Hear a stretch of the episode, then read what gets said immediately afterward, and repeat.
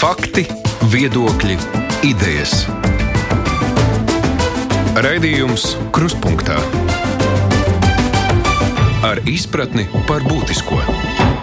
Studijā Mārija Ansone. Pirmdienas kruspunktā ir lielās intervijas dienas, un šīs dienas saruna lielā mērā būs saistīta ar sabiedrisko mēdīju šā gada labdarības maratonu dod pieci tematu. Tā ir vardarbība ģimenē.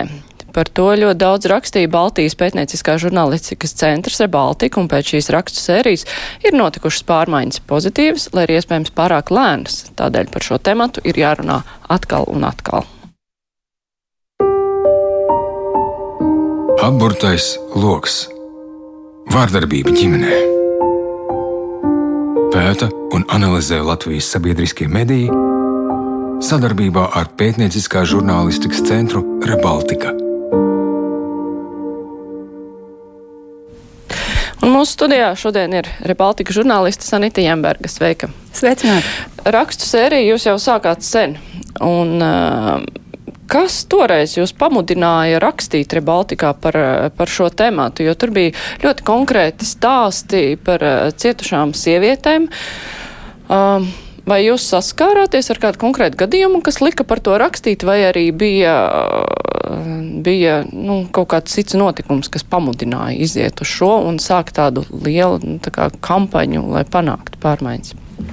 Kad mēs sākām, ja man kāds būtu teicis, ka pēc trīs gadiem mēs būsim tajā punktā, kur sabiedriskie mediji par to taisīs labdarības maratonu, kur tiks mainīta likuma ievērojama ātrumā, es tam nekad nebūtu ticējusi. Jo, kad mēs izvēlamies tematus, ja neskaita starptautiskos tematus, mēs vienmēr mēģinam Latvijas mērogā ņemt tematu, kas skar pēc iespējas vairāk cilvēku, ar domu, ka, ja tu palīdzēsi kaut vienam, tavs darbs jau būs īstenībā tā vērts. Un vardarbību ģimenē mēs, mēs par to runājām, un mēs visu laiku atlikām. Tāpēc tas ir tāds, tāds nepārējošs faktors visās mūsu dzīvēs, kurš vienkārši tur ir. Un par kuru pat kā, runāt nav pieņemts, jo ģimenes lieta, un kuram tā nav. Bet vienā brīdī mēs sākām iezīmēt tās lielās tēmas, kas Latvijas sabiedrību posta - alkoholisms, vardarbība ģimenē, un redzējām, cik tas ir saistīts savā starpā. Un mēs ar manu kolēģi Ingu Spriņģi, kurai būtu jāsēž šeit manā vietā, jo viņa bija tas lielais motors un dzinulis, kura teica, mums jāsāk kaut ko darīt. Jo, kad man bērni bija mazi, Es atrados vienā māmiņu grupā, nu, kā parasti tu iestājies vienā māmiņu grupā, lai nekristu visiem uz nerviem ar, ar sarunām par saviem bērniem. Un sievietes bija manā vecumā, nu, kas nozīmē 40. Nu, Tolaik vēl 30, plus, tagad 40. Plus, kur tur runā un izrādās, mammas audzinājušas vienas, tēti situši mammas, un paši vairs neprot veidot nu, normālas attiecības un aiziet tieši kā šajā sākuma džinglā, aiziet tāds vardarbības aplis dara pāri ģimenē mammai, pēc tam sieviete nespēja izveidot normālas attiecības savā ģimenē, tad sākās vardarbības pārēj uz bērniem, un tad tie bērni aiziet atpakaļ un sāks īst savus vecākus un vecvecākus. Un šokējošākais tobrīd bija statistika, jo cilvēkam liekas, ej, cipari, bet pēc OECD datiem Latvijā un Dānijā ir visaugstākais no vardarbības cietušo sieviešu īpatsvars Eiropas Savienībā - katra trešā. Un tad, es, kuras ir dzīves laikā cietušas no partnerā fiziskas vai seksuālas vardarbības. Un tad tu vienkārši ej pa ielu un skaiti 1, 2, 3, viņa, 1, 2, 3, viņa. Un tajā brīdī tu ļoti skaidri saproti, ka runa nav par kaut kādiem deklasētiem elementiem. Runa ir par visparastāko vidusslāni, kurš savu zilumu zem acis aizsmerē ar puderkrēmu un aiziet uz darbu. Un pirmo sēriju mēs sākām tieši ar šo sajūtu, ka parādām vidusslāni, parādām, cik tas ir izplatīti, parādām, cik dažāda ir vardarbība. Jo parasti tur domā par fizisku, seksuālu, bet uh, emocionāli jau liekas tā kā normāli, ka kāds uz tevi bļauj, ka tu tur esi ne tāda, ka tu neko nevari, ka tev nekas neizdosies un ka tu to pārnes uz bērniem. Un tā bija pirmā sērijas doma - parādīt plašumu, parādīt dažādumu un sākt par to runāt, ko mēs varam darīt. Tie mazie, mazie lēnie soļi, ko mēs varam darīt. Un es jau tagad atceros, un esmu ļoti pateicīga tām četrām sievietēm, kuras ar saviem vārdiem, ar savām sejām bija gatavas iznākt un runāt par to, kas ar viņām ir noticis. Jo uh, Turpat paši ģimenēs bija bērni sacēlās pret mammu, kāpēc tu to stāsti, tas taču ir kauns, kāpēc tas jānes uz āru, vai arī nebija jau tik traki. Un tās sievietes kaut kā ar lielu drosmi iznāca un izturēja to pirmo sēriju, un pēc tam jau sākās. Pēc tam vienkārši aizgāja tā kā vilnī, un tas lielākais izmisums ir tad, kad tev zvana ar domu, ka tu vari palīdzēt. Jo Mēs vienmēr sakām, ka mēs nerisinām individuāli ģimeņu konfliktus, mēs risinām kaut kādu sistēmisku problēmu, vai likumu mainīt, to arī darīsim. Bet, kad tu atnāc uz darbu un tev e-pastā iekrīt vēstule, kur sievietē vīrs ir nogriezis ausi, un nāk ārā no apcietinājuma, un viņa lūdz viņai palīdzēt. Kad tev zvana paziņas un draugi un saka, paklau, mums te ir tāda situācija ar bāriņu tiesu, viņš tur ir atnācis ar savu portfeli, viss nošarmējies, draud atņem bērnus, vai tu vari palīdzēt, un tu sēdi un saproti, ka nē, nu tu nevari katram individuāli palīdzēt, bet tu vari parādīt kaut kādu lielāku ceļu, likumu maiņas un mēģināt nu, kaut ko vērst uz labu. Un tas ir tas arī, kas ir visus šos gadus darīts. Saku, pirmā sērija bija par vardarbības atpazīšanu un nevis šausminoties cik briesmīgi ir, bet parādot ceļu, ko darīt. Mēs gan taisījām kartītes eh, ar krīžu telefoniem. Inga Spriņa savāca naudu, lai izdotu grāmatu par vardarbības atpazīšanu, kas šobrīd bez maksas ir visās Latvijas bibliotekās. Nākamā sērija jau bija par likuma maiņām, un tagad trešā jau ir par to, nu, kā mainīties. Jo tu jau vari iesaitināt to cilvēku cietumā, bet tas neko neatrisinās. Ja viņš neuzskata sevi par vainīgu, viņš nāks ar un darīs to pašu. Bet runājot par iemesliem, tu minēji sistēmiskas problēma risināšana, bet otra lieta ir tā, nu, ka tas cilvēks pats nesaprot, ka viņš ir izdarījis kaut ko sliktu. Un ne tikai tas pats cilvēks, bet acīm redzot, viņam ir kaut kāds cilvēku lokus apkārt, kurš apstiprina, nu, ka tas īstenībā ir normāli. Kā tev šķiet, nu, kas ir kā Latvijā ir vairāk šīs sistēmiskās problēmas, vai arī cilvēku tolerance un e, pieņemšana par normu kaut kādas vardarbības veidus? Pēdējos gados mēs redzam, ka ar pieņemšanu iet uz labo pusi, ka to vismaz tādā sabiedrības līmenī atzīst par problēmu. Mums nesen bija saruna ar prokuratūru kuri ir sākuši, piemēram, uzrādīt apsūdzības par emocionālo vardarbību, kas pirms diviem gadiem pat vispār nebūtu prātā ienācis. Tā kā pēc tā, kā cilvēki dalās ar materiāliem par vardarbību, pēc tā, ka mums NVO Marta, kas ir visus šos gadus, kamēr tas tika stumts. Tā kā nu, šī jau nav problēma, šī jau nav problēma, kas visu laiku to vilkuši, ka viņi mums teica, ka zvanu skaits palielinājās pēc pirmās sērijas pa 20%. Nu, tu redzi, ka tā iecietība mazinās un ka un ka cilvēki mēģina vismaz runāt par to un palīdzēt viens otram, bet tas, kas neatrisinās, un tur mums ir ļoti, ļoti ilgs ceļš ejams, diemžēl, ir, ka um, varmākas paliek par varmākām un upuri paliek par upuriem. Viņi, viņas neraujās ārā no tās upura lomas, jo viņas ir nodzīvojušas to savu dzīvi, neko citu neredzot patiesībā, kā to, ka viņš man darīs pāri, viņš nolūksies, viss būs labi, un tad es viņam piedošu, ka viss aizies uz rīņķi. No sistēmiskām problēmām es gribu uzteikt savā ziņā lēmumu pieņēmējus, kas ir sākuši dzirdēt un uh, kustās daudz par lēnu. Jums pašām bija krustpunktā diskusija pagājušā ceturtdienā, kur bija jāklausās par to, ka tas ir sarežģīti, ka tur ir sistēma. Nē, tur ir absolūti konkrēti cilvēki, kas katrā no šiem gadījumiem izvēlk līdz galam. Aiz katra risinājuma ir konkrēts cilvēks. Un, piemēram, man jāpiemina pēdējā, pēdējais gadījums, kur es biju pozitīvi pārsteigta. Iepriekšējā Covid viļņu laikā uh, tika nogalināta jauna sieviete. Viņa bija vienīgais zināmais vardarbības upuris. Nu, līdz nāvei Covid laikā mēs uzskatījām par savu pienākumu šo gadījumu atspoguļot kaut vai tikai šī cilvēka piemiņai, jo katra cilvēka dzīve ir pelnījusi tomēr piemiņu. Un tur izrādījās, ka tēvs nogalināja meitu, lai atrieptos sievai par to, ka viņa nebija viņam paprātam. Mazpilsēta, Krāslava, visi zināja, cienījams cilvēks. Nu, tur tas, tas murskulis ir tāds, kur ir visas sastāvdaļas, kas ir vardarbības gadījumos. Bet izrādījās, ka šī sieviete bija trīsreiz bēgusi no mājas, meklējot aizsardzību tiesā, prasot nošķiršanu, ka nedrīkst tuvoties viņai un nepilngadīgajam bērnam. Un tobrīd bija likums, ka tu vari meklēt uh, palīdzību tikai pēc dzīves, vietas, vietas no kuras tu esi aizmucis. Mm. Ļoti bieži tu esi aizmucis. Tu neusticies tiesnešiem, tāpēc ka visi visus pazīst. Un tiešām visu cieņu deputātei Lībiņai Egnerē, kur šo rakstu izlasīja, ātri saprata juridiskajā komisijā, ka likums ir vaļā ielobēja grozījumus un saimē pieņēma divās nedēļās. Es tādu ātrumu neesmu redzējusi, kas man liekas secināt, ka lietas iet uz labo pusi, bet tajā pašā laikā es tā ir jābūt konkrētam cilvēkam, kas to visu stumi, jo pagāja vairāk nekā gads kamēr uh, valsts policija, iekšlietu ministrija un sociālajie dienesti vienojās, ka par katru izsaukumu ir jāziņo sociālajiem dienestam. Jo Jā, bieži vien viņi vienkārši nezina. Viņi nezina, ka tas notiek tajā ģimenē. Un tu sēdi un domā, gads, kam ir vajadzīgs gads, vienkārši sanāk kopā, pastrādā ātrāk un izglābt kādu reālu cilvēku. Nu, kad tu atceries par to reālo cilvēku, tad kaut kā ātrāk sāk kustēties. Nu jā, nu, šeit ir tas viena lieta, ir likumu pieņemšana varbūt ātra.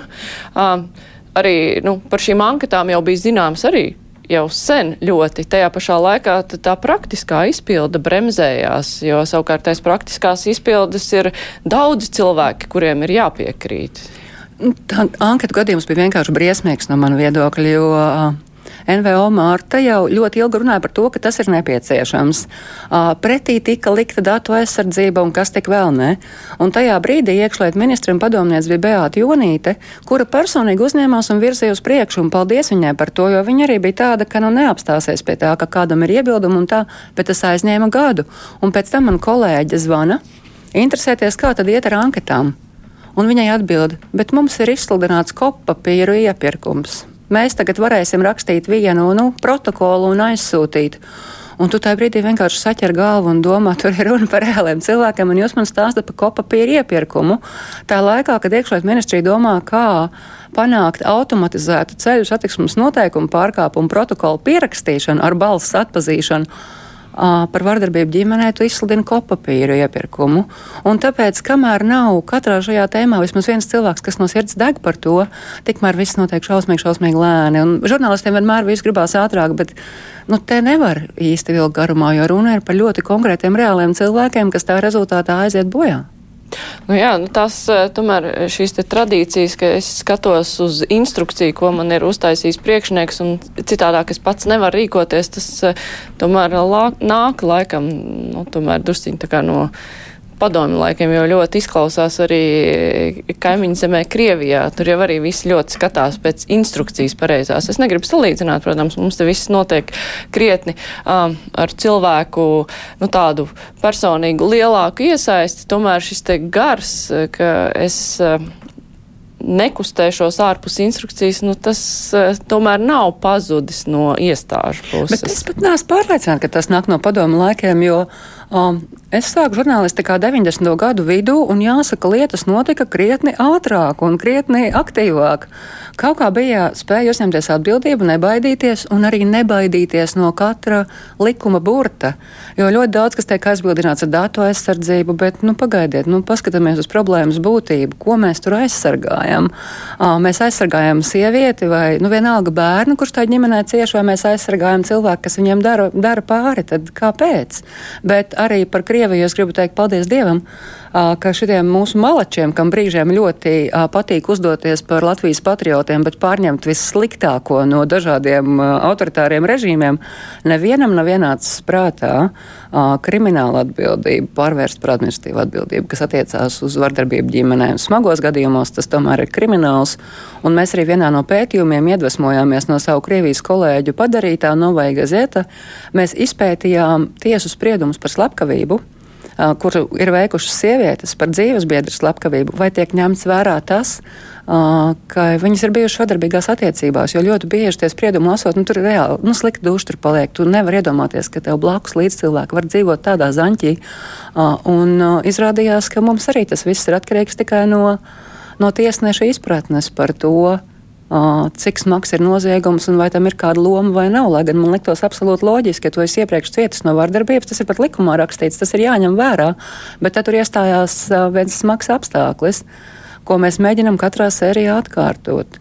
Ir jāziņo ir jāsauc tā policija. Pat tad, ja liekas, ka rajons un visi visus pazīst, ir jāsauc, jo, ja jūs neizsauksiet, jums nebūs konkrēti pierādījumi, ka jums tas ir bijis un ka tas ir bijis ilgākā laika posmā.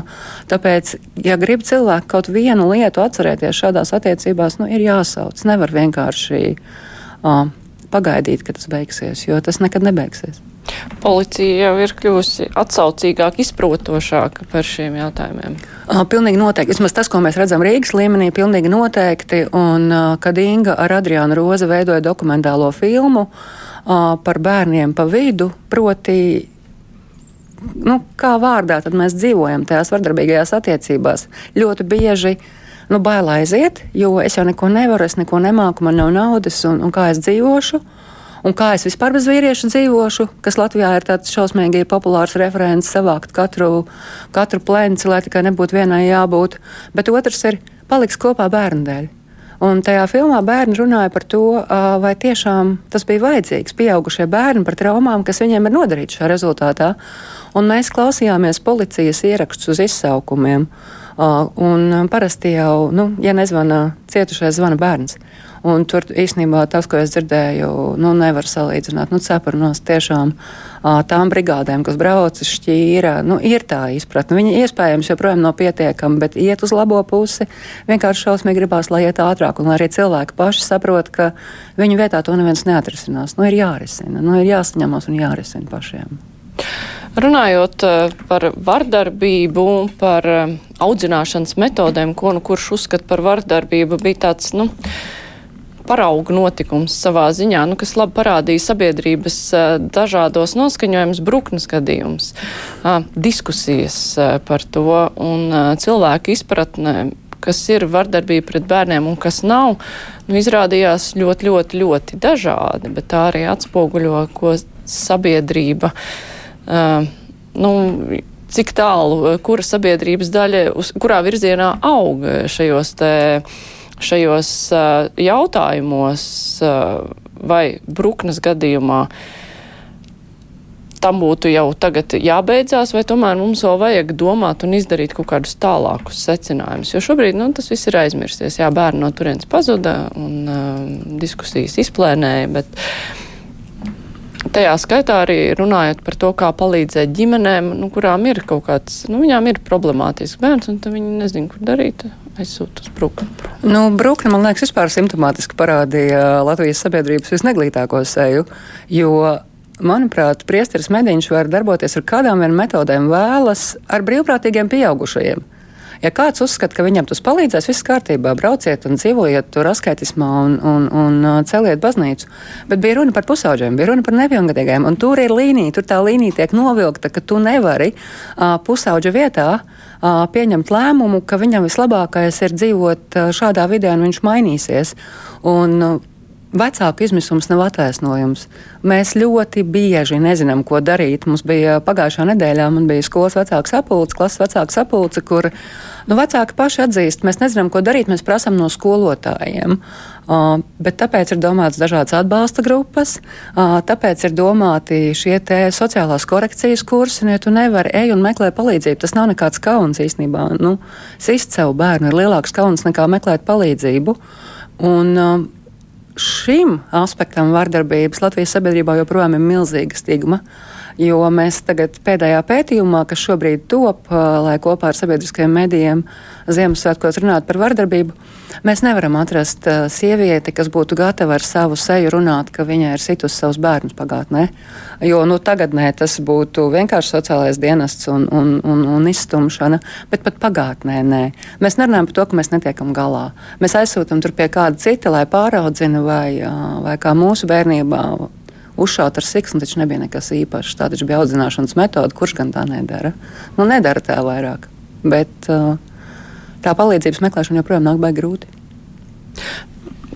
Vardarbība ģimenē, mēs, nu, ja runājam par vardarbību ģimenē, parasti tiek, nu, pieņemts, ka jā, ka mājās sit sievu bērnus, tajā pašā laikā, nu, jā, šī te uh, stingrā bērna audzināšana, tas ir viss no vienas operas. Un šie bērni pēc tam izaugs lieli, un uh, viņi arī neko citu nebūs zinājuši. Un tad iestājās tas aplis, no kur nevar iziet ārā. Bet uh, kā viņus izraut no šī apļa? Jo nu, psiholoģiskā palīdzība cilvēki jau liela liel, liel daļa neapzinās, ka tur ir psiholoģiskā problēma, ka kaut kas ir bijis nepareizi. Es šobrīd redzu paudžu maiņu tajā, teiksim, paudze, kas nāk aiz manis nu, kas, es saku, ir 30 līdz 40. Šobrīd jau uh, audzina bērnus savādāk. Es arī atceros šajā uh, Ingas un Adrianas filmā bija puisis kurš stāstīja par mammu, kas viņu bija ļoti stingri audzinājusi. Un mamma joprojām uzskatīja, ka tā nav nekāda problēma, ka viss ir bijis kārtībā. Bet viņš savā jaunajā ģimenē negribēja to atkārtot uz saviem bērniem. Viņš bija apzinājies to, ka, nu, ka viņš nevēl saviem bērniem augt tādā vidē.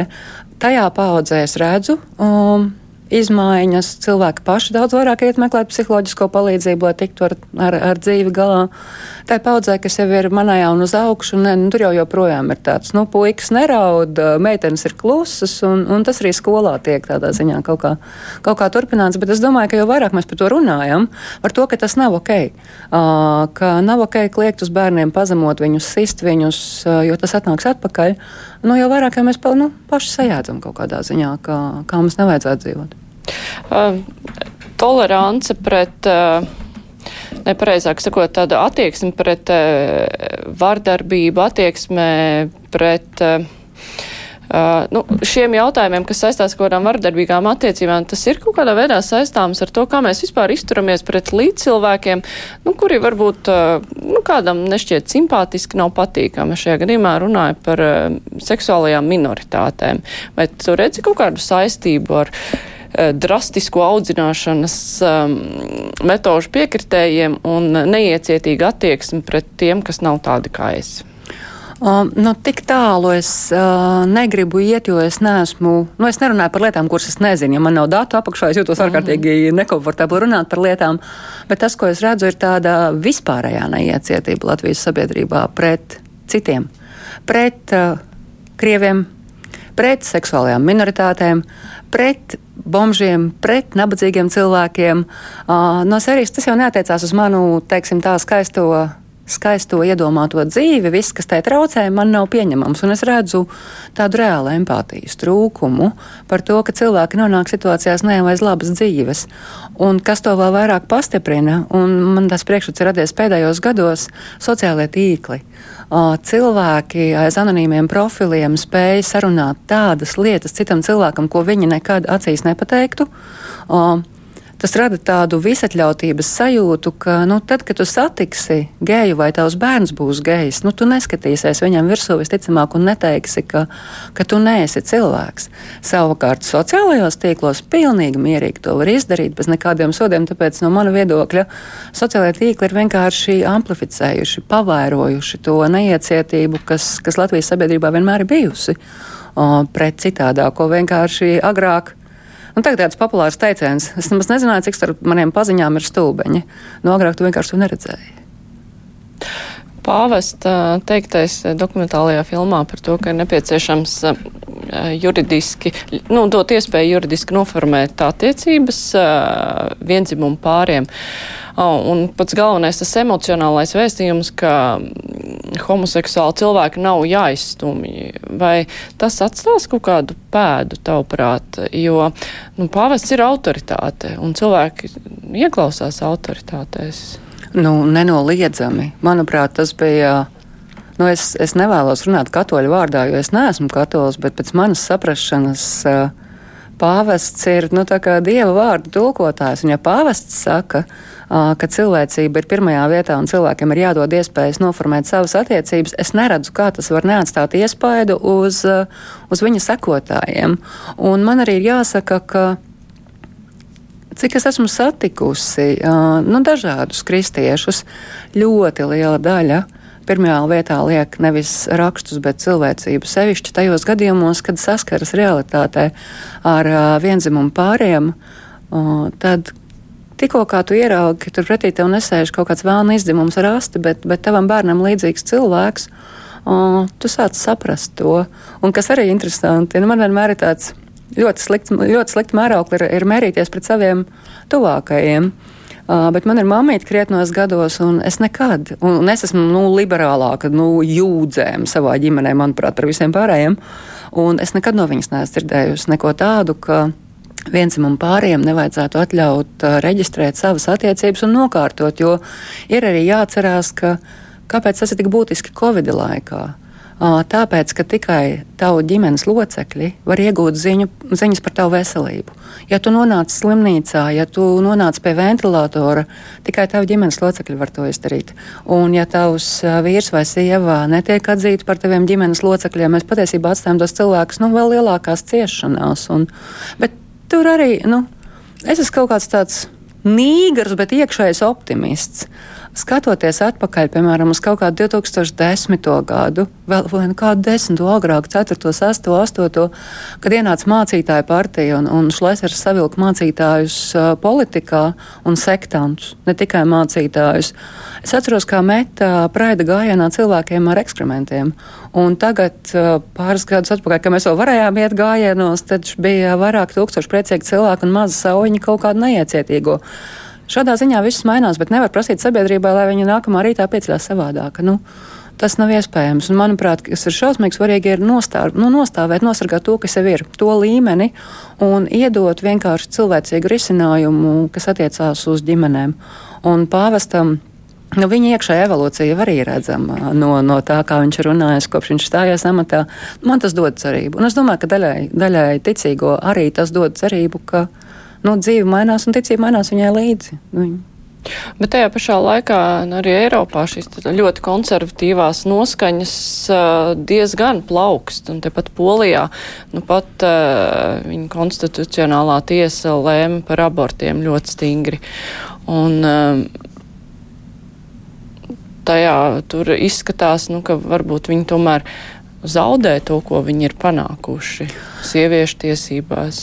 Nu, Polija ir tāds piemērs, par kuru es varu runāt padziļināti, jo es paralēli Rebaltikai strādāju EDSO vēlēšanu novērošanas misijās dažādās valstīs, kā mediju analītiķis, un es pavadīju šo vasaru ilgu laiku Polijā tieši vēlēšanu kampaņā.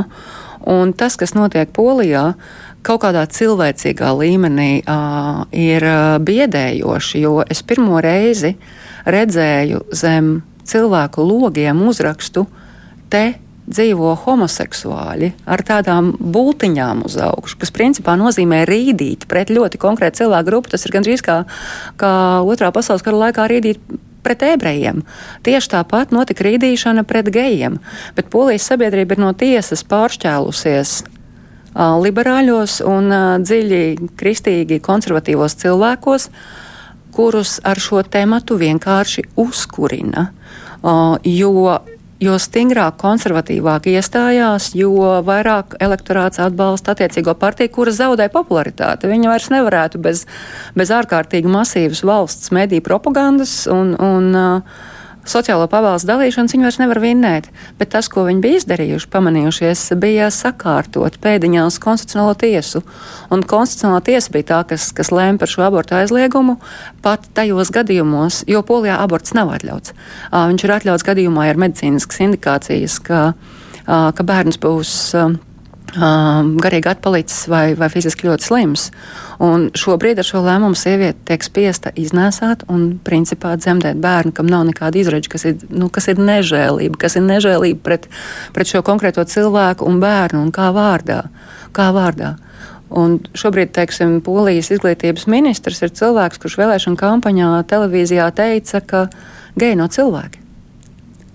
Kā, kā var izglītie, izglītības ministrs teikt, ka geji nav cilvēki, bet, nu, gods godam, um, programmas vadītāji vienkārši atslēdz viņam mikrofonu, jo tā iecietība, ka tā aizēja pāri robežai, uh, ka tu sāc kūdīt uz konkrētu sabiedrības grupu, nu, viņas nav, viņas nav tādas, bet, uh, protams, ka tie signāli ir biedējoši, jo, Nu, man liekas, ka mēs dzīvojam 21. gadsimtā, un sievietei pašai ir jāatļauj lemt, nu, ko viņa darīs ar savu ķermeni vai nē. Polijas gadījumā labā ziņa ir tā, ka viņiem ir ļoti, ļoti aktīva pilsoniskā sabiedrība.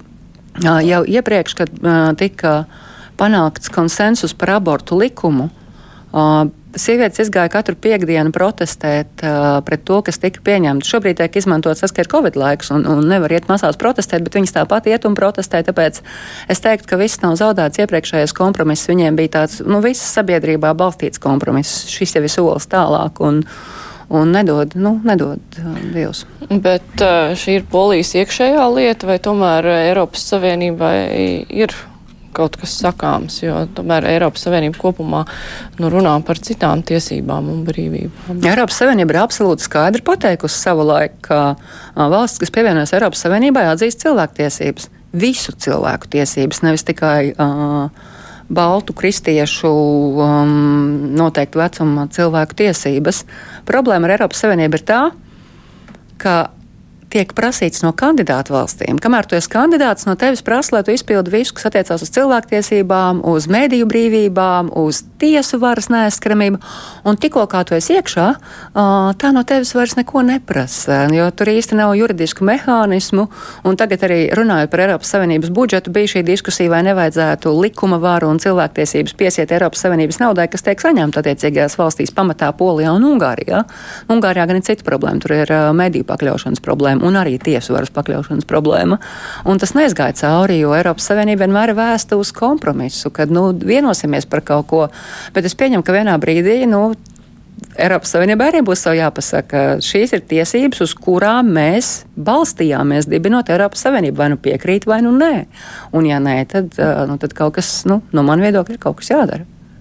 Nu, vislabākais būtu nedot Eiropas Savienības naudu tiem, kas nepiekrīt Eiropas Savienības principiem, jo savādāk tā nu, baigi divkosīgi sanāk. Nu jā, tas arī tiek apspriests, bet nu redzēs, jā, ar ko beigsies. Es atgādināšu klausītājiem un Latvijas televīzijas skatītājiem, ka šodien kopā ar mums ir Baltijas pētnieciskā žurnālistikas centra Baltika žurnālists Sanita Jemberga.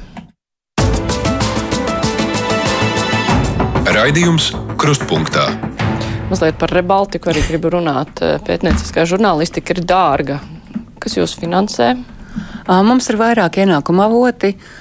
Es 90% no sava laika kad es nerediģēju materiālus un, un neuzņemos redakcionālo vadību, es rakstu projektu pieteikumus dažne dažādiem fondiem.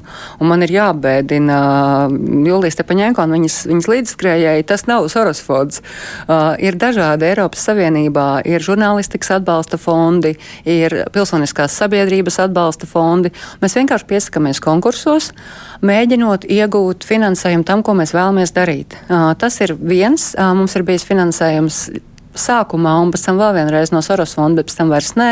Mūs ir atbalstījusi Nīderlande, mūs ir atbalstījusi Lielbritānija. Mums ir mūsu visnepopulārāko vienību, proti faktu pārbaudas laboratoriju Rīček, ir atbalstījis arī Latvijas sabiedrības integrācijas fonds.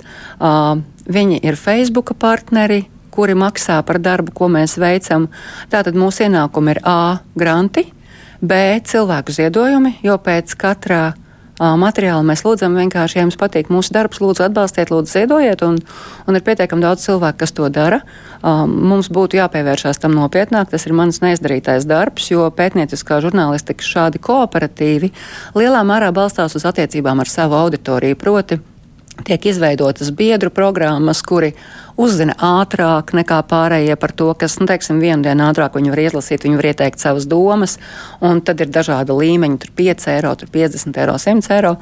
Tas ir otrais ienākuma avots, un trešais ienākuma avots ir pašu nopelnītais, jo mēs taisam izpētes, dokumentālo filmu scenārijiem, Rīčeks veids faktu pārbaudas pakalpojumu Facebookam, un tā mēs kopā katru gadu salasam to, kas ir, ir nepieciešams. Mums ir arī Baltika ir gandrīz tā kā ar vairs Vīķis Freibergs teikto par, par viņas laulību, ka viņi katru gadu apsola, nu te vēl vienu gadu. Nu, man ar, ar, ar maniem darbiniekiem ir ļoti līdzīgi. Es saku, nu vēl vienu gadu es jums varu apsolīt, jo tas ir tas, cik tālu es redzu, bet uh, tas mūs nebiedē. Vismaz mani pilnīgi noteikti nē, jo komanda ir brīnišķīga, darbu citur atradīs. Galvenais ir nevis tas, ka tu redzi, cik gadus tu strādāsi. Galvenais ir, ka tu redzi, ko tu vari izdarīt, kas ir tas, ko tu gribi panākt. Un, ja tu to esi izdarījis un kādā brīdī nauda beidzās, nu labi, nu beidzās beidzās. Nu, ko darīt? Darīs kaut ko citu. Bet eh, kā notiek tā sadarbība starp eh, Baltijas valstīm? Tas ir arī finansiāli. Jūs esat tā kā, nu, trīs Baltijas valsts sadarbojās un tad ir stiprāki vai arī vienkārši informatīvi var kaut ko. Nu, kā kurā reizē, piemēram, pagājušā gadā pirmo reizi Eiropas Savienība atzina, ka pētnieciskā žurnālistika ir svarīga bet dārga. Un tā ir jāatbalsta tieši tāpat, kā tiek atbalstīts citas sabiedriski nozīmīgas lietas. Un mēs saslēdzāmies kopā, mēs, lietuvieši, igauņi, ungāri un poļi, uh, materiālu sērijā par um, Krievijas spiegiem. Un arī Ķīnas spiegiem. Un tādā gadījumā tu vinē šo grantu, un tad tu sadali ar pārējām Baltijas valstīm. Nu, katram ir tik, cik viņam ir jāmaksā saviem žurnālistiem, saviem ilustratoriem, saviem fotogrāfiem, savām ziņu aģentūrām, saviem tulkotājiem, saviem redaktoriem. Jo tas nav tā, ka tu sēdi viens pats drukā blogu trīs valodās. Nē, nē, nu, tur ir katrs šis materiāls īstenībā ir, ir vismaz 7, 8, 9, jo dažreiz vairāk cilvēku kopdarbs. Uh, bet tad ir idejas, kur vispār nauda nav iesaistīta, jo tu izvēlējies Baltijas partnerus, lai kaut ko noskaidrotu, lai vispār saprastu, vai ir vērts nu, iedziļināties tajā. Pēdējais piemērs, piemēram, ir. Baltkrievijas sankcijas. Um, kad Latvija noteica sankcijas pret Baltkrievijas amatpersonām, kas vilto vēlēšanas un, un daudz protestētājus, mēs sazinājāmies ar saviem kolēģiem Igaunijā un Lietuvā. Mēs sakam, rekusāraksts, jums tāds pats? Ah, nē, mums tur vēl kaut kāda klāta, ah, mums tur vēl kaut kādi. Mēs trietā kopā noskaidrojam, kas ir šie cilvēki, jo Latvijas ārlietu ministrija neuzskatīja par vajadzīgu publicēt viņu amatus. Ja no sākumā tu skaties, nu, tad tas neko neizsaka tas cilvēks. Un tad mēs visi trietā pārbaudījām uzņēmumu reģistrus. Mēs Latvijā pārbaudījām arī zemes grāmatu datus, lai saprastu, vai viņiem vispār kaut kas pieder. Un šajā visā pat nekāda nauda nav iesaistīta tik daudz, cik mēs samaksājām par zemes grāmatas pakalpojumiem un samaksājām algu cilvēkam, kas ir Baltikā, jebkurā gadījumā strādā. Lai noskaidrotu, ka šīs sankcijas ir dekoratīvas, jo vismaz uz sava vārda šiem sankcionētiem cilvēkiem nekā nav. Un turpat, nu, es saku, tur nauda nav vajadzīga, jo cilvēks jau pie tevis strādā tāpat, un Lietuvā cilvēki strādā līdzīgā pētnieciskā žurnālistikas centrā. Igaunijā tie ir lielie mediji, kas tāpat finansē savus darbiniekus. Nu, tu vienkārši iemācies kaut kā. Uh, katrs šāds sadarbības projekts tevi satuvina. Vari, tas ir tas pētnieciskā žurnālistikas skaistums, ka mēs esam visos šajos lielajos starptautiskajos tīklos, un tu vari pacelt WhatsAppā klausuli un piezvanīt tur uz Albāniju un teikt, vai jums ir problēma ar šito, vai arī piezvanīt uz Lietuvu Igauniju un teikt, draugi, mēs varam kaut kā ātri mēģināt sarganizēties un, un pārbaudīt kaut kādas lietas. Un, uh, tas ir, un tas ir milzīgs ieguvums, jo tu nedzīvo savā burbulī ar priekšstatu, ka viss ar tevi notiek pirmo reizi. Patiesībā tev apkārt tas viss kaut kur jau ir noticis, un, un tas, man liekas, bez reālām panāktām izmaiņām Latvijas sabiedrībā un likumos tas ir labākais, kas žurnālistikā, ko mēs kā Rebaltika esam, esam atnesuši. Tā ir šī pasaules elpa un sadarbība ar citiem kolēģiem regulāri. Bet jums pārmet sadarbība ar Leonīdu Ragozinu, kuru daudz uzskata, ka viņš ir īstenībā nu, runā Kremļa interesēs, jo um, arī, nu, ja mēs runājam par Latvijas kritiku, tad ir nu, tāda sajūta, ka mēs paši varam kritizēt, bet uh, ja to izdarīs kāds uh, Krievs no Krievijas, tad uh, tam ir pavisam cita skaņa. Tas ir tā kā ģimenē aprunājam sevi paši, pasargdievs, ja kāds no malas mūs aprunās. Kā jūs izvēlties sadarbības cilvēkus? Jūs viņus tā kā pārbaudat par viņu vēsturi, domām un vispārējo, vai vienkārši, nu, Nu, mēs esam domu pamatā. Nu, mums nepatīk, ko tu domā, tāpēc mēs ar tevi nestrādāsim. Uh, nu, nē, ar Leonīdu ir, ir stāsts ļoti vienkārši. Ar Leonīdu es iepazinos ļoti, ļoti sen, uh, kad viņš bija Bloomberg korespondents uh, Maskavā, Austrum Ukrainā. Uh, viņš bija tikko pārcēlies uz Latviju, un man ir ārkārtīgi svarīgi kā žurnālistam sevi konfrontēt ar nepatīkamiem priekšstatiem, ar man nepatīkamiem priekšstatiem. Es, piemēram, šorīt no rīta ar kādu savu draugu stundu priecīgi viens uz otru brēcām uh, par to, ka mūsu priekšstats par Raiva Zeltīta atrašanos zemesardzē, egēnikas studijām un zemesardzes reakciju uz to ir ārkārtīgi atšķirīgs. Un Leonīts man kalpo kā lakmus papīrīts tam, ko es zinu par Krieviju, jo uh, Latvijā cilvēki lasa internetā un uzskata tās par zināšanām, kas, protams, daļēji tā arī ir. Bet es kontaktējos gan ar Leonīdu, gan ar Medūzas redakciju, gan ar Krievijā strādājošiem žurnālistiem, lai savus priekšstatus par Krieviju konfrontētu ar to, kas tur notiek. Un katru cilvēku pārbaudu tikai darbā. Neviens man nav bijis spējīgs pateikt nevienu Leonīda Ragozina kļūdu bet ir spējuši pateikt, ka nepiekrīt viņu uzskatiem. Tad, kad Leonīts rakstīja ar mani kopā par maskačkas kačakiem, proti par saskaņas. Uh, vingrotājiem no, no Maskavas Forštatas, kuri ņēma domas naudu savām vingrošanas zālēm un uh, pēc tam taisīja demonstrāciju masu par labu Nilam Ušakovam, tad Leonīds Ragozins bija labais krievs. Tad, kad mēs ar Leonīdu kopā rakstam par uh, Nacionālās apvienības daļas sakariem ar ļoti radikālām Ukrāņu organizācijām, tad Leonīds Ragozins ir nodevējis, jo galu galā mums taču ir jāpieņem viss, ka Ukraina ir, ir karā ar Krieviju, tādēļ mums ir jāpieņem viss tās radikāli elementi. Un kas ir ļoti smieklīgi, ir katru reizi. Katru reizi, kad kāds ierunājas par Nacionālās apvienības sakariem ar šaubīgiem radikāliem elementiem, viņam metas virsū. Pirmā bija Olga Dragiļeva, Latvijas televīzijā, kad Olga izveidoja sižetu par 16. martu, uz kuru bija ieradušies britu radikāļi un kurus atkal Zeltīša kungs bija uzņēmis birojā, diezgan priecīgs. Metās virsū Olgai, bet īsti nevarēja, jo, nu labi, krieviete, bet nu tomēr. Nu, reputācija viņai kā žurnālistei ir ļoti laba. Es nezinu, ko viņai varētu pārmest. Tautību pārmest cilvēkam nedrīkst. Nu, labi, kaut kā norīja. Un tad parādījās brīnišķīgais mērķis Ragozins. Krievijas krievs. Un, nu, taču pilnīgi izteicies kaut kad kaut ko par kaut ko tā, ka Jembergā vajadzētu tam nepiekrist. Es nepiekrītu 90% no tā, nu labi, ne 90, 60, par ko es strīdos ar Ingu Spriņģi. Nu, un tad Um, tur jau arī ir jēga tam visam, ka mēs neesam visi viena viedokļa pārstāvi, bet jautājums, vai mēs sekojam žurnālistikas likumiem, vai mēs tos ievērojam, un vai mēs atspoguļojam faktus pareizi, un pareizi tādā ziņā, ka viņi ir patiesi nevis tādi, kā mums viņi patīk vai nepatīk. Un vai otrai pusē ir bijusi iespēja izteikties. Tas viss bija izdarīts, bet uh, Ragozins izrādījās slikts tikai tāpēc, ka viņš ir Krievs un daļai nepatīk viņa uzskatu. Bet uh, nu, tagad ir informatīvais karš ar Krieviju, ilgstoši jau. Vai žurnālistiem ir jādomā par to? nu, ko ar viņa veikumu pēc tam varētu izdarīt uh, Krievija, piemēram, uh, nu, kaut kā ietērpt un vērst pret mums pašiem? Nē, Žurnālistiem ir jādomā par to, ka viņiem ir jāatspoguļo patiesība tāda, kā viņi ir, nedomājot par to, kā kāds to varētu pagriezt.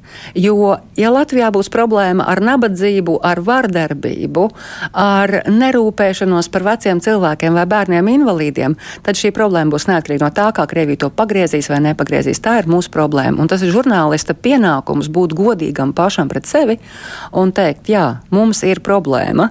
Mēs redzējām šo diskusiju Ukrainā. Uh, mēs nevaram salīdzināt šīs situācijas, tā ziņā mums nav kara. Ukrainā ir karš.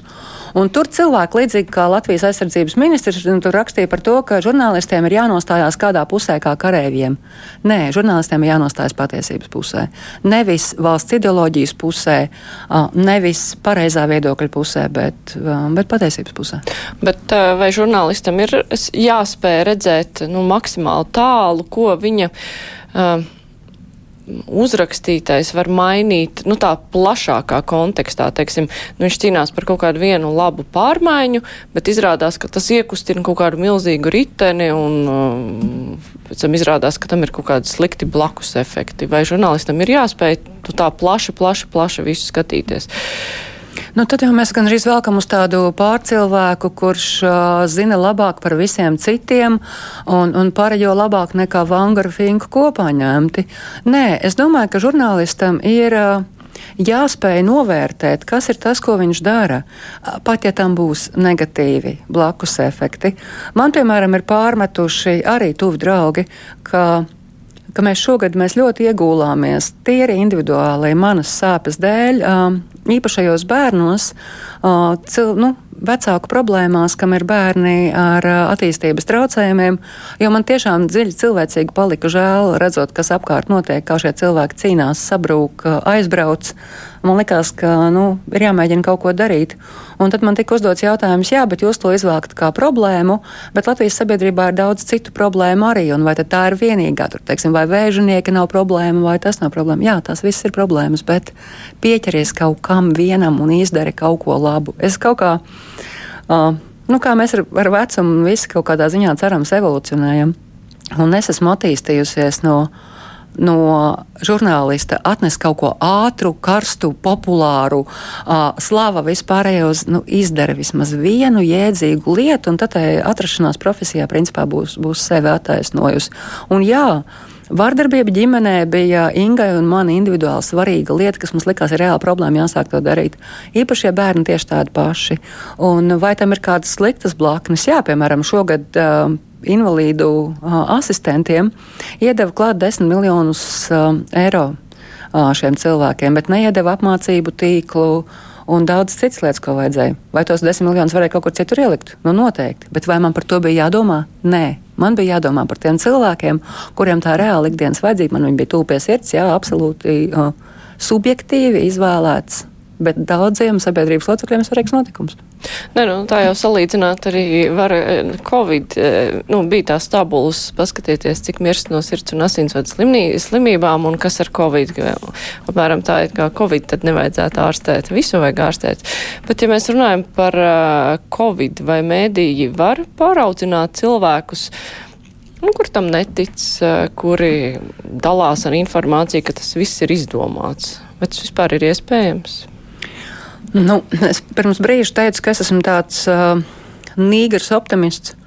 Um, bet, kas attiecās uz Covid, es neesmu nīgrs optimists. Es sāku zaudēt ticību kolektīvam saprātam. Um, tāpēc, ka ja cilvēki pie informācijas daudzuma, kas ir, joprojām spēj pateikt, ka Covid ir izdomāts, ka tas ir domāts, lai Bills Geits ražotu vakcīnu, mūs visus čipētu, ka zinātnē nav nozīmes un tā tālāk. Es godīgi sakot, pat nezinu, kā ar šiem cilvēkiem sarunāties, jo kamēr no morgiem neiznesīs viņu radinieku līķus, acīm redzot, viņi to nesapratīs. Un es esmu. Nu, es tad mazliet savādāk izskatos šodien, bet es patiesībā esmu nenormāli nikna. Uh, jo Man no rīta bija jāizlaiž skolā abi mani bērni, kas ir tajā vecuma grupā, kur skolā mācības joprojām notiek. Vecāku sapulcē skolotāji bija absolūti nesaudzīgi attiecībā pret attālinātajām mācībām. Tās iesit lielu robu to bērnu zināšanās, kur vecākus vai nu neinteresē, vai viņi nav spējīgi viņiem palīdzēt. Līdz ar to viņus pēc būtības ir jātur skolā, cik vien ilgi iespējams. Un es aizlaižu šorīt bērnus uz skolu ar smagu sirdi, jo es zinu, kur mēs esam bijuši. Es zinu, ka viņi mazgās rokas, mēs valkājam maskas. Es to visu zinu, bet es nezinu, ko viņu klases biedru vecāki dara, vai viņi ir tādi paši kā es. Un šobrīd tā individuālā atbildība ir ir milzīga par to, lai mēs nu, izdzīvotu pēc būtības. Daļa no mums, nu, daļa pārslimos un, un, un būs viegli, bet, bet daļa nomirs galu galā, kā tas ir jau noticis. Un es uzņemos atbildību pati par sevi, bet es nezinu, ko lai es daru ar tiem man apkārt, kuri uh, uzskata, ka, ka Covid nav, ka maskas ir nenēsājamas un ka tas viss kaut kā, nu, beigsies. Es tiešām, Māris, es nezinu, ko, ko teikt. Es varu vienkārši mēģināt ierosināt cilvēkiem nu, domāt, lasīt un tomēr uzticēties tam, ka šie ierobežojumi, nu, ka Uga Dumpis ir labāks epidemiologs nekā Twitter rakstītāji, ka Perevošikovs zina, ko viņš dara, labāk nekā es zinu. Ja cilvēki, kas ir gudrāki par mani, man saka, ka tā ir jārīkojas, tad es, to, es rīkošos vienkārši, lai pasargātu sevi, bet, bet kā lai es to kā lai es paļaujos uz citiem. Tas ir tāds, nu. Bet vai valdībai nevajadzēja dot skaidrāku vēstījumu, nu, kaut vai septembra sākumā, kad, nu, visi jau zināja, būs skola, visi gaidīja, ka kaut kas notiks, jo nevienam, tā kā, laikam, nebija noslēpums, ka varētu atkal saslimšana palielināties, bērni atgriezīsies. Žurnālisti par to visu laiku uzdeva jautājumus, kas būs, kas būs, kas būs. Tajā pašā laikā, nu, tie skolotāji, kas aizbrauc ekskursijā, jā, protams, pēc tam arī jauki viņus uh, apmētāt ar tomātiem, ka viņi tā darīja. Bet viņi neizdarīja neko tādu, kas būtu liekts, nu, verbāli, ko, ko, ko valdība būtu mudinājusi, nedariet to, nedariet to. Sākas skola, lūdzu, ierobežojumu, iero, eh, ievērojumu ierobežojumus divreiz stiprāk, jo visi taču zina, ka tā skola sapulcēs, ka vajag tā kā vairāk tam pievērsties. Bet, uh, Vai tā visa bija pietiekoši, vai cilvēkiem tomēr arī no valdības puses neradās eh, nu, tas iespējas, ka nu, viss būs viegli un labi, ka mēs esam tādi mazliet veiksminieki? Nu, um. Ja paskatās uz uh, skaitļiem citās valstīs līdz septembra sākumam, mēs patiešām arī bijām veiksminieki. Mēs nebijām nekādi izredzētie, mums vienkārši nenormāli paveicās uh, ar to, ka mūs ir tik maz un mēs tik izretināti, nu, izretināti dzīvojam valstī. Uh, Man liekas, ka valdība, un es atceros interviju ar Ilzu Viņķelī, uh, pavasarī es rakstīju Igaunijas laikrakstam postamēs, viņi lūdzu uzrakstīt, kāpēc Latvijā neslimo tik daudz kā Lietuvā un, un Igaunijā. Un uh, Ilzas Viņķels vārda bija, ka, ka cilvēkus ir jāpalaiž drusku brīvāk, jo savādāk rudenī viņus tais ierobežojumos vairs nevarēs iedzīt atpakaļ, jo iestājas nogurums. Nu, ja tu neredzi, tiešām, ja tu neredzi saslimušos un neredzi līķus, tev iestājas nogurums no, no visa. Mēs visi esam šobrīd, vismaz es jūtu sev apkārt, noguruši, nervozi, neiecietīgi, pat uz sīkumiem kaut kādiem. Plus vēl tūlīt būs drūmais gada laiks. Un mums būs jāsēž mājās, mēs varam sev, nu, nu, nu beigt sevi mānīt. Arī skolas nāksies aizvērt pie šādiem saslimšanas cipriem. Ja mēs nenākam pie prāta, beidzot visi kolektīvi, uh, tad arī skolas nāksies aizvērt ar, ar, ar dziļām sakām. Tā kā es domāju, ka mums vienkārši ļāva, zinot, tā kā vasarā lopiņiem tā priecīgi paganīties pa, pa, pa pļavām. Un tagad tos lopiņus ir grūti iedzīt atpakaļ, un man ir, man ir absolūti nulle tolerances pret cilvēkiem, kas saka, es nesāšu masku, manuprāt, tas ir jāsoda, tāpēc, ka viņi apdraud citus. Ja tu gribi apdraudēt pats sevi, dari tā, tā ir tava dzīve. Ja tu apdraudi manu ģimeni, ja tu apdraudi jau, teiksim, visus kaimiņus man apkārt, tādā gadījumā nē, par masku nelietošanu ir jāsoda, tāpat kā par jebkuru citu aicinājumu pārkāpt ierobežojumus, jo tiešām sēdi savā viensētā un tici, kam gribi, bet ja tu apdraudi pārējos, tad, manuprāt, tur gan šobrīd nevajadzētu būt nekādai iecietībai. Un pēc tā, ko es redzu sev apkārt, ja pavasarī vēl varēja teikt, vai tad jūs esat redzējuši kādu ar covid slimo, un es pazīstu divus cilvēkus, kas ir miruši jau pavasarī.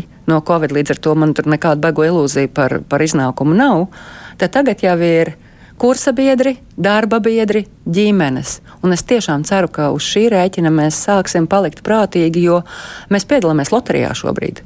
Problēma ir tā, ka ar gripu tu vari novakcinēties un cerēt uz labāko. Ar covid tu piedalies loterijā un, un nebūs izšķiroši ne tavs vecums, ne veselības stāvoklis. Vienkārši palēmēsies, palēmēsies. Jā, nu, atliek tikai pievienoties cerībai uz saprātu. Es bet saku... kas mums paliek? Kas mums cits paliek kā, kā ticība un cerība, ka mūsu līdzcilvēki lielākā daļa ir saprātīgi? Es tiešām no sirds tam gribu ticēt, bet pēdējās nedēļas man liekas zaudēt mazliet ticību tam. Jā, es ceru, es ceru, ka tā atgriezīsies, ka būs pamats, lai tā atgriežas. Es saku paldies šodien kopā ar mums ir Baltika žurnāliste Sanita Jemberga. Rīt kruspunktā runāsim par attālinātajām mācībām, ja nu no tā līdz tam nonākam, vai esam tā tam gatavi, un arī par skolu tīklu samazināšanu. Rēdījums izskan, rēdījuma producente Tevi Junām studijā Mārija Ansone.